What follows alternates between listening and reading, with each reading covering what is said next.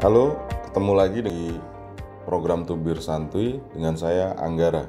Kali ini saya akan membahas sedikit soal eh, pemerintahan daerah dan otonomi. Kaitannya dengan sekali lagi omnibus law yang ramai diperbincangkan di masyarakat.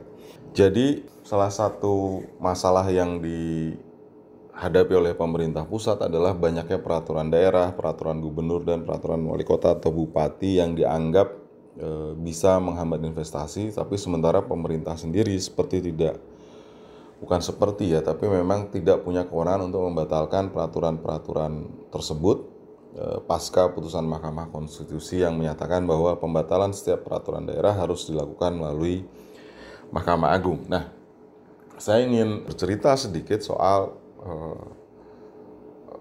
persoalan ini. Jadi sebagai negara kesatuan sebetulnya kalau kita mau berangkat dari hal yang mendasar bahwa e, ciri negara kesatuan adalah tidak ada pembagian dari kedaulatan parlemen. Artinya parlemen itu bersifat tunggal yang terpusat dan ada di tingkat nasional.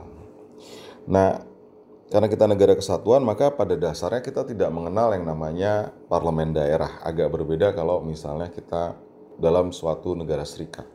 Untuk negara kita negara serikat. Nah, karena itu sebetulnya kewenangan dari pemerintah daerah adalah kewenangan yang bersifat delegatif dari pemerintah pusat.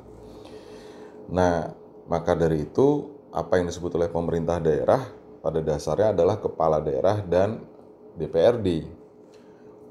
Nah, karena itu eh, setiap peraturan semestinya harus dihasilkan secara bersama-sama antara kepala daerah dan DPRD. Jadi buat saya sederhana seharusnya tidak boleh ada itu peraturan gubernur ataupun peraturan wali kota ataupun peraturan bupati karena tadi balik kembali lagi pada konsep dasarnya adalah pemerintahan daerah itu e, sama dengan e, kepala daerah dan DPRD.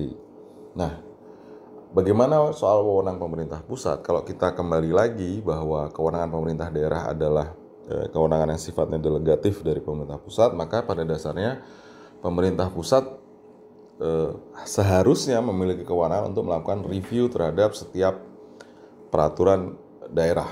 Tapi memang bagaimana cara melakukan reviewnya ini yang sebetulnya persoalan dalam sistem hukum kita.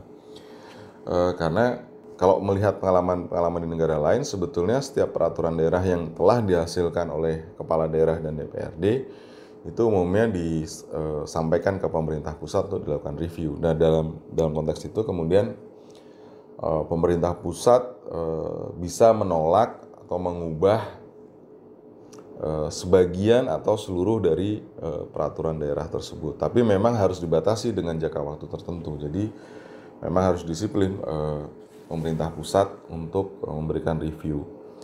Nah, dalam konteks Indonesia, review itu sifatnya anjuran dan rekomendasi sehingga itu dikembalikan lagi ke daerah untuk diperbaiki. Ini di titik ini yang menurut saya Eh, menurut saya sih agak tidak tepat. Sebaiknya memang uh, idealnya peraturan daerah itu disampaikan ke pemerintah pusat dan langsung saja pemerintah pusat uh, misalnya menolak satu pasal tertentu atau langsung mengubah satu aturan tertentu dalam peraturan daerah tersebut sehingga tidak perlu lagi kemudian pemerintah pusat mengembalikan dalam bentuk rekomendasi.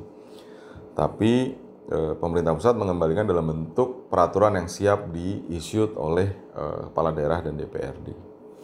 Nah, itu yang sebetulnya uh, metode yang harus kita perbaiki kaitannya dengan peraturan daerah. Sehingga mudah-mudahan benturan kewenangan antara pemerintah pusat dan pemerintah daerah itu tidak akan terjadi lagi dan uh, tentu kalau lewat waktu konsekuensinya adalah peraturan daerah itu bisa langsung disahkan oleh kepala daerah dan DPRD. Nah, dalam konteks ketika sudah disahkan, maka upaya untuk melakukan reviewnya saya setuju untuk diberikan kepada Mahkamah Agung.